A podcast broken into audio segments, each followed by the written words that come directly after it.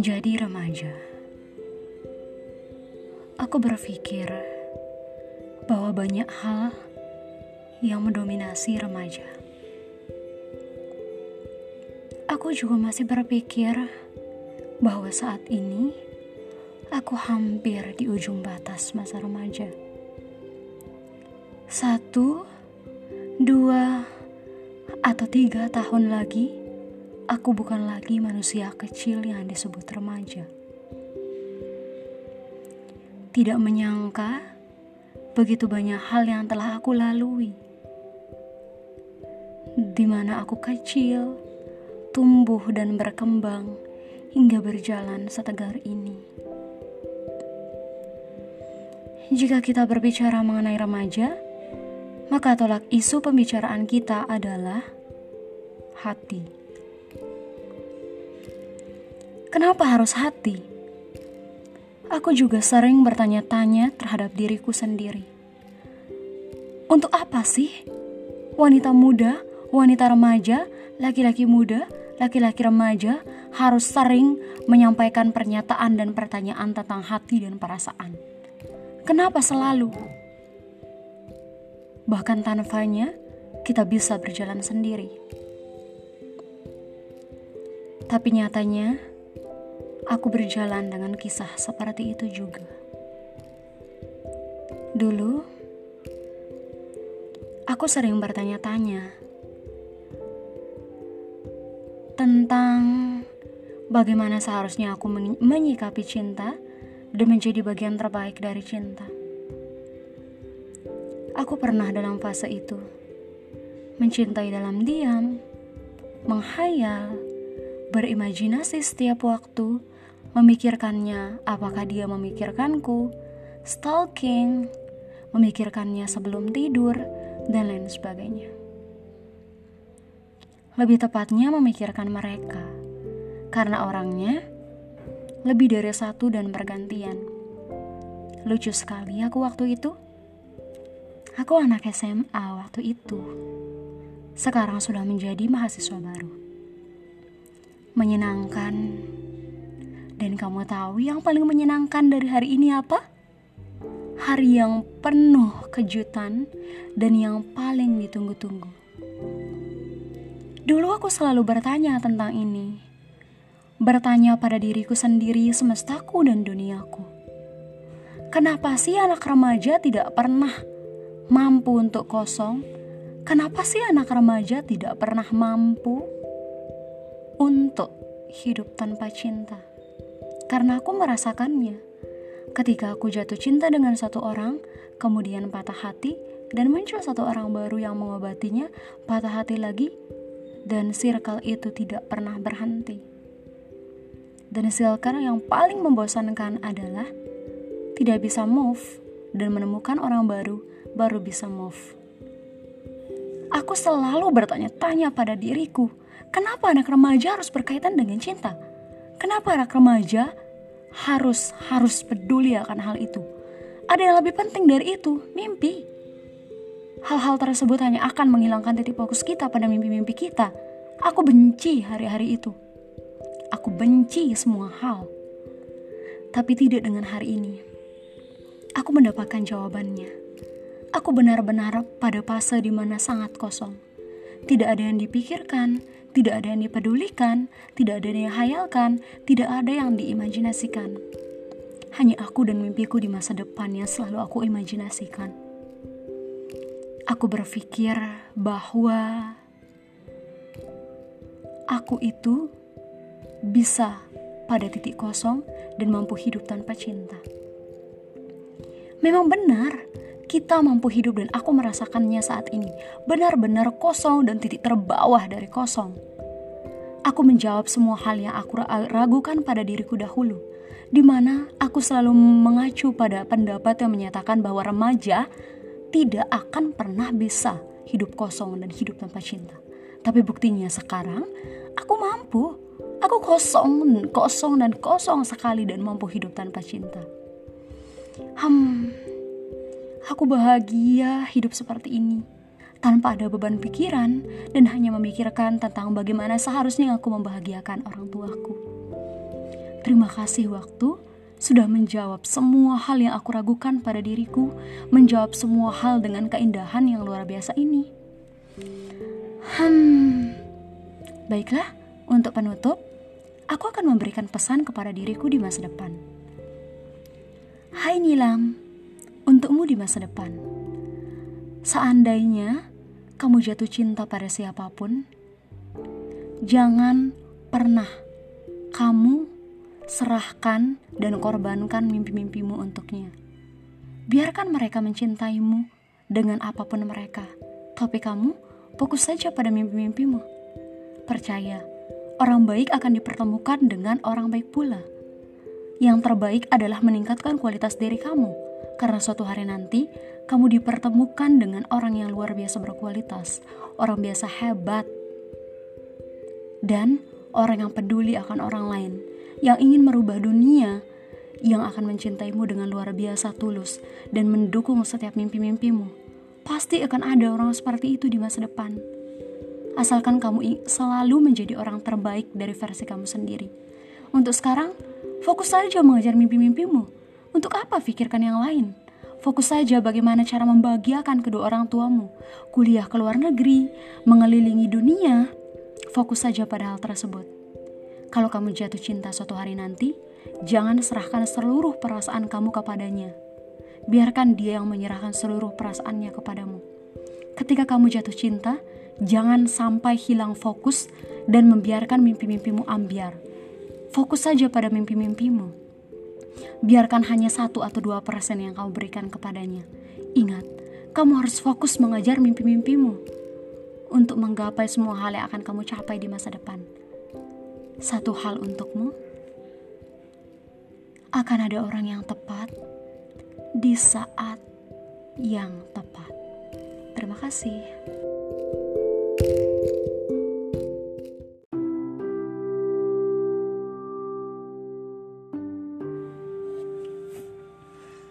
Oh ya, sebenarnya di sini saya ingin bercerita tentang beberapa hal yang cukup membahagiakan di tahun 2020. Dan yang paling spesifik adalah kebahagiaan ketika lolos SNMPTN.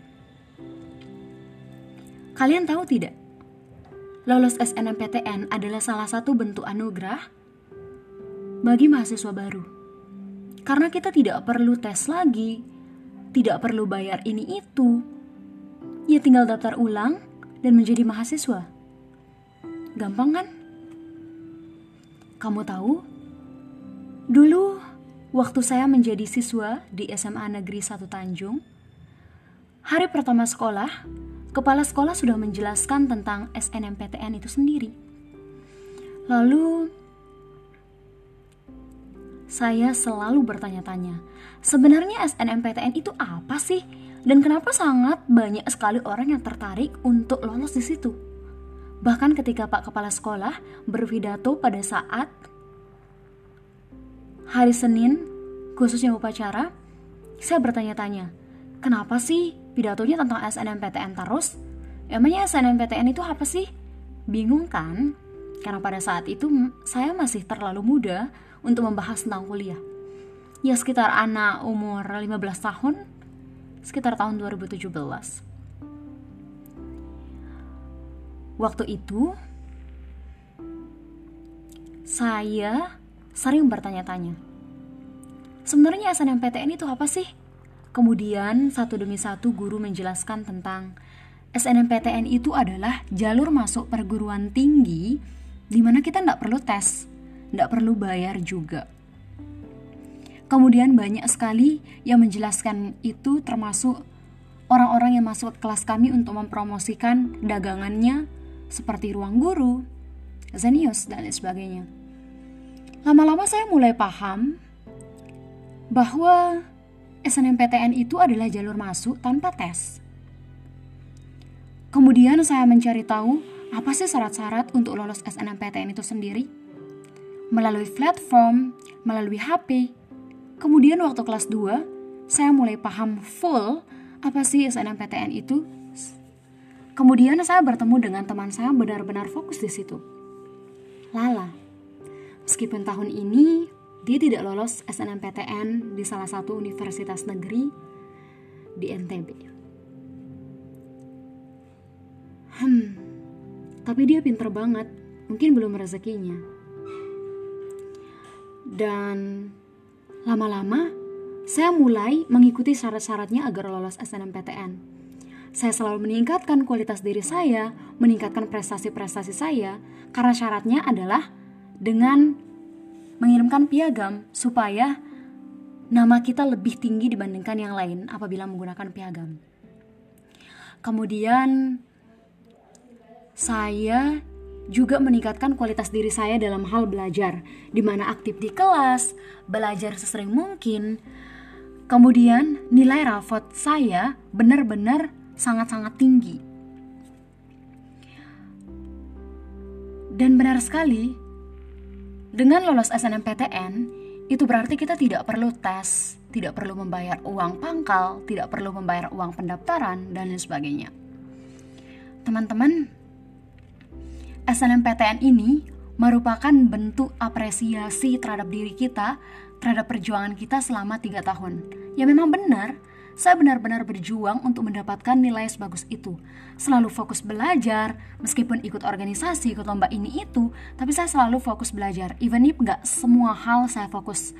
Ada banyak yang buat titik fokus saya lemah, jatuh, dan lain sebagainya.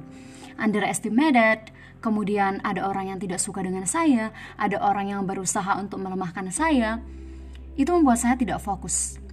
Tapi, mau gimana lagi? Saya tetap berdiri kokoh untuk meningkatkan diri saya. Kemudian ikut lomba ini itu dan lain sebagainya. Tapi saya punya tujuh piagam yang dipakai cuma tiga. Debat bahasa Indonesia, debat bahasa Inggris, dan duta baca. Sedihnya, saya sudah berjuang untuk mendapatkan piagam-piagam itu. Tapi benar-benar tidak bisa digunakan untuk SNMPTN karena batasnya hanya tiga but no problem. Itu bisa jadi kenangan di masa depan. By the way, puncaknya yaitu sekitar bulan apa ya? Lupa. Mungkin sekitar bulan April. Waktu itu benar-benar pengumuman SNMPTN dan for me personally itu sangat luar biasa dimulai dari pengumuman SNMPTN yang dibilang dimulai pada tanggal 13 April, kalau tidak salah ya. Pada saat itu benar-benar dakdikduk dari malam hari, bahkan pas malam harinya itu buat tulisan atau buat puisi sambil lihat bulan di dapur saya karena kayak langsung kelihatan langit gitu loh. Bahagia banget tau rasanya meskipun dak dikduk sampai nulis puisi di uh, buku, buku nulis puisi di Twitter itu kayak sesuatu yang amazing for me personally karena saya bisa buat puisi di malam itu untuk menyegarkan perasaan saya. Saya di sana bilang bahwa saya sangat sedih, galau, deg-degan, gimana hasilnya besok.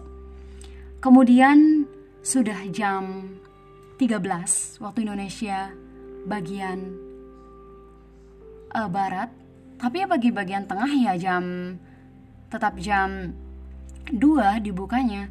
Jadi saya menunggu sampai jam 2. Dan tahu ibu bapak saya benar-benar menunggu saya berada di samping saya. Ibu saya tiduran di kamar saya, bapak saya duduk di kamar saya juga. Mereka benar-benar merasakan gugup saya, sedih saya, nervous saya, galau saya, dan lain sebagainya. Kemudian pada saat pengumuman jam 2 itu mereka langsung kumpul di kamar saya.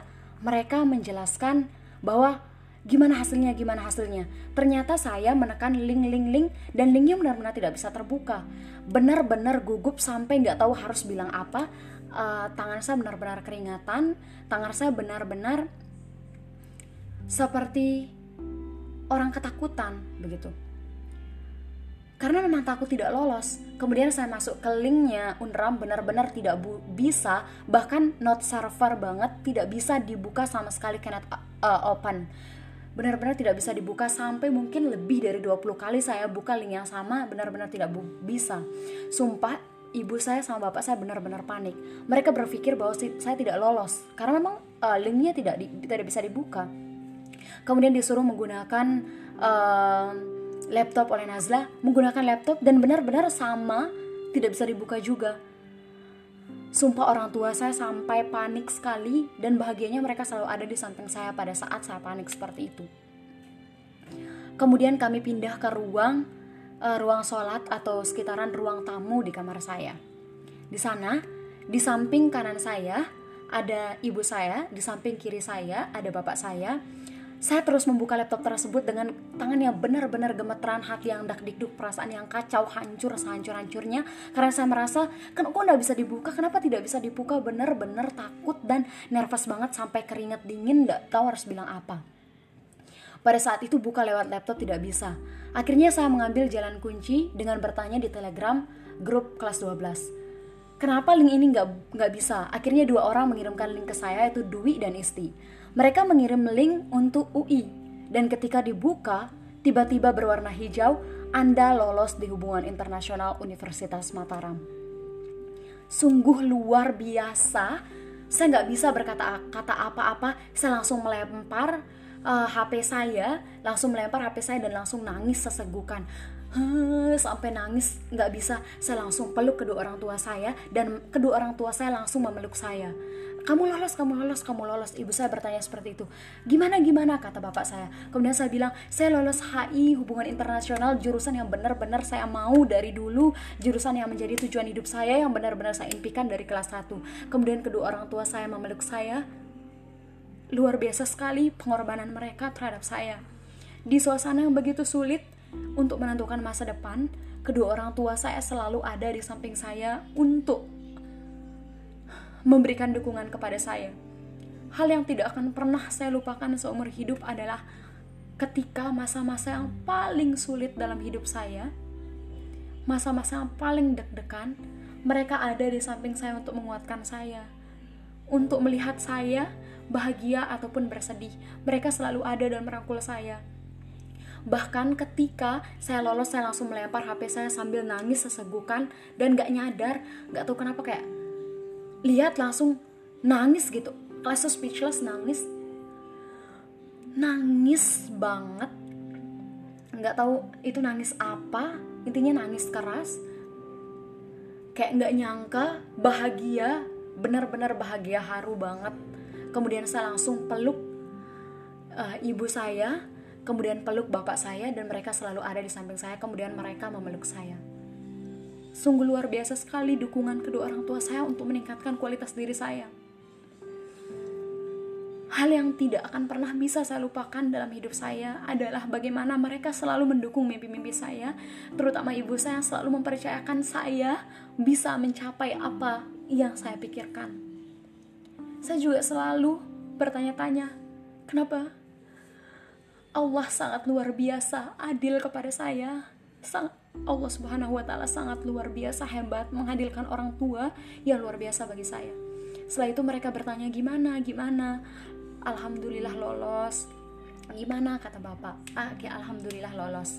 Dan pada saat itu benar-benar saya speechless, gak tahu harus ngomong apa.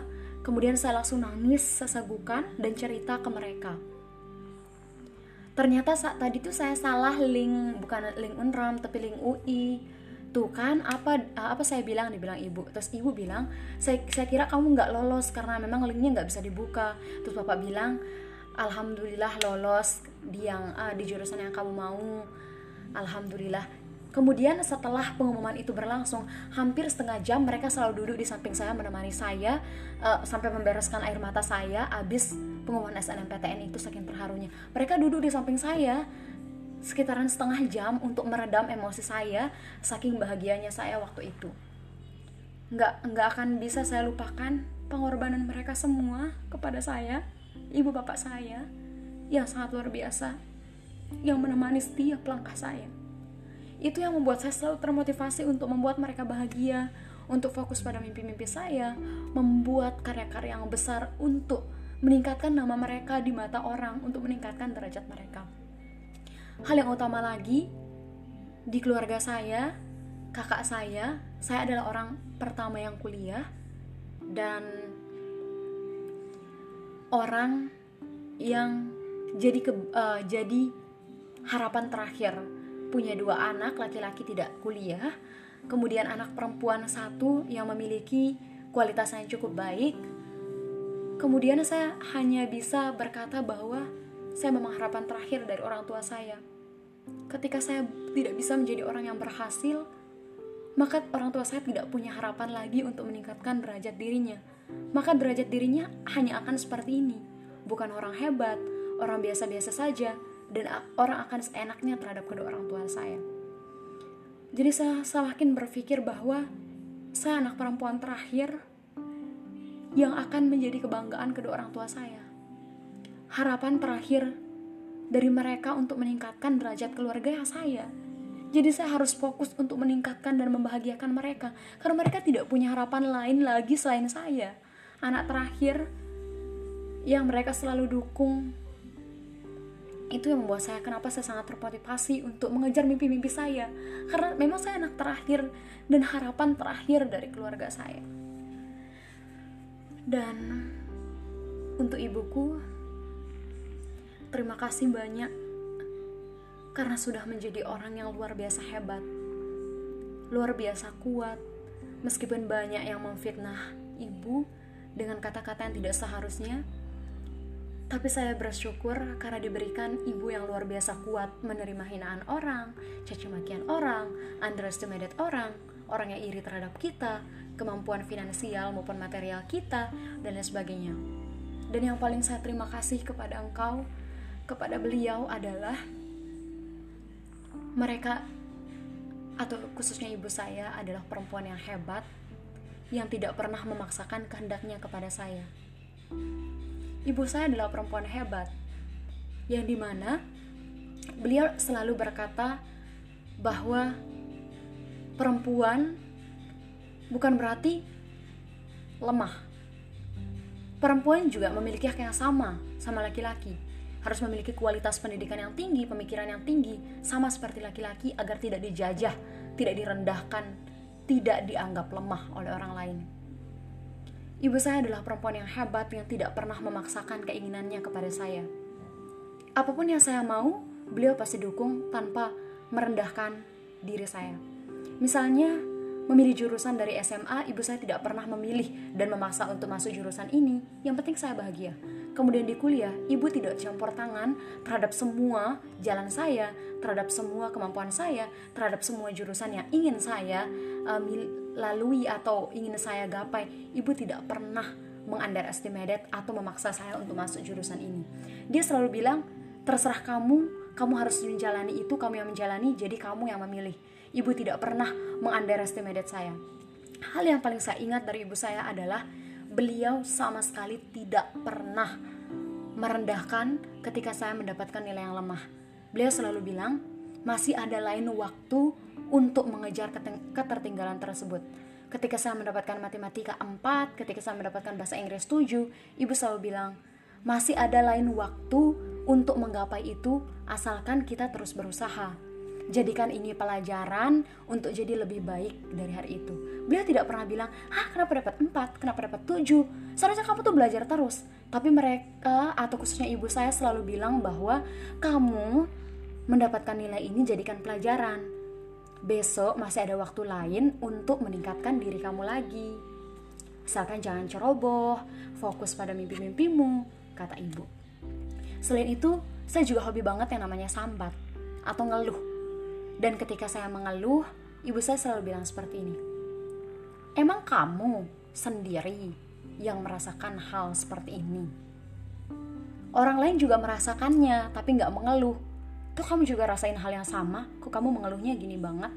Seolah-olah ibu menunjukkan bahwa saya tidak boleh mengeluh karena banyak orang di luar sana yang merasakan hal seperti yang saya rasakan, bahkan lebih parah, tapi mereka tidak pernah mengeluh seperti yang saya lakukan.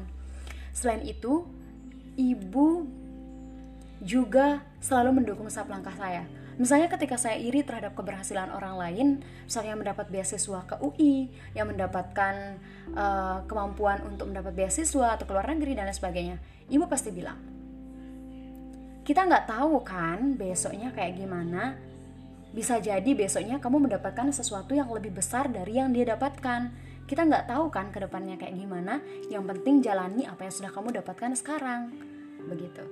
Jadi beliau adalah panutan yang luar biasa bagi saya, yang sangat-sangat luar biasa, teman, keluarga, ibu yang selalu merangkul setiap kesedihan saya, kebahagiaan saya, dan selalu menjadi teman curhat saya.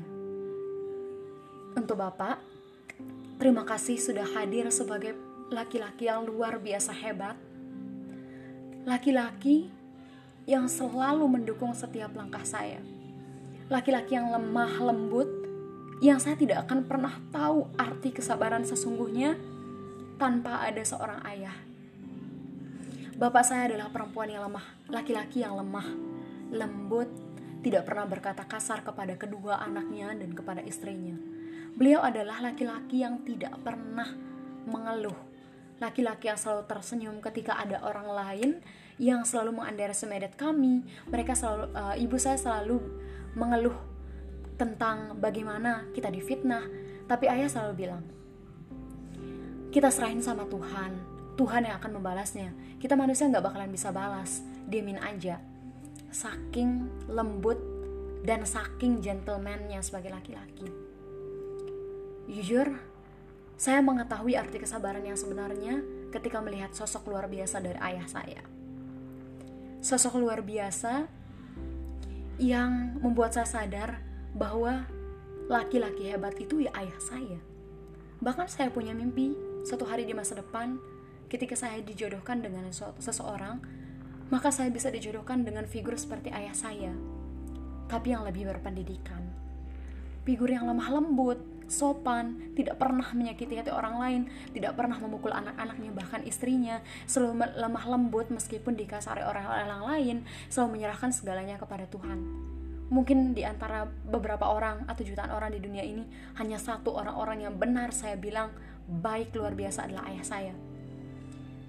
Beliau adalah luar biasa bagi saya, cinta pertama saya, Saya adalah orang yang paling beruntung di dunia karena memiliki kedua orang tua. Ayah dari kecil yang selalu membawa saya bekerja. Ketika saya ingin apa pun, dia langsung memberikan kepada saya. Misalnya sederhana, saya ingin kerang laut, maka ayah, sore-sorenya langsung ke laut dan mengambilkan kerang. Masih kecil saya suka sekali dengan belalang. Ayah mengambilkan belalang kepada saya, kemudian uh, membawakan pulang untuk saya. Sungguh luar biasa sekali beliau, sangat-sangat menyayangi saya. Saya sangat dekat dengan ayah saya. Dia juga pernah bilang bahwa saya adalah anak kesayangannya yang akan membanggakan kedua orang tua saya. Amin Allahumma amin. Dan yang ketiga adalah kakak saya.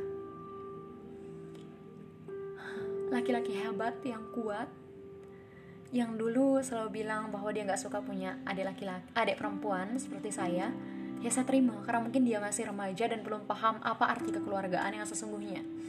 Dulu dia kurang suka dengan saya sifat-sifat saya yang selalu fokus ke mimpi kemudian jarang mandi hmm, dan sebagainya.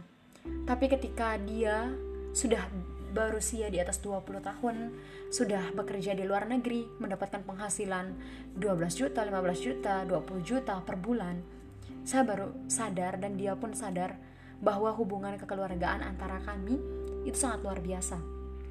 Dia merupakan laki-laki yang tanggung jawab. Dia selalu bilang begini, dia nggak akan pernah nikah sama perempuan tanpa mendapatkan atau tanpa memiliki rumah sendiri dan nggak akan mau nyusahin kedua orang tua. Itu yang membuat saya bangga memiliki saudara seperti dia.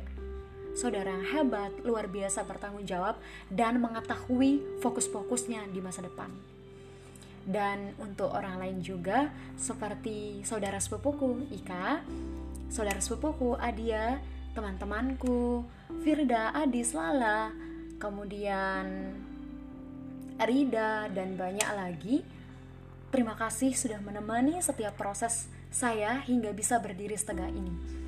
Di masa depan, untuk menilam, fokus untuk mengejar mimpi-mimpimu, untuk membahagiakan orang-orang di sekelilingmu yang telah mendukung setiap langkahmu, terutama kedua orang tuamu, saudaramu, sepupumu, teman-temanmu yang luar biasa berharga. Terima kasih. Ini kalimat dari anak introvert. Hmm. ternyata udah setengah jam. Terima kasih.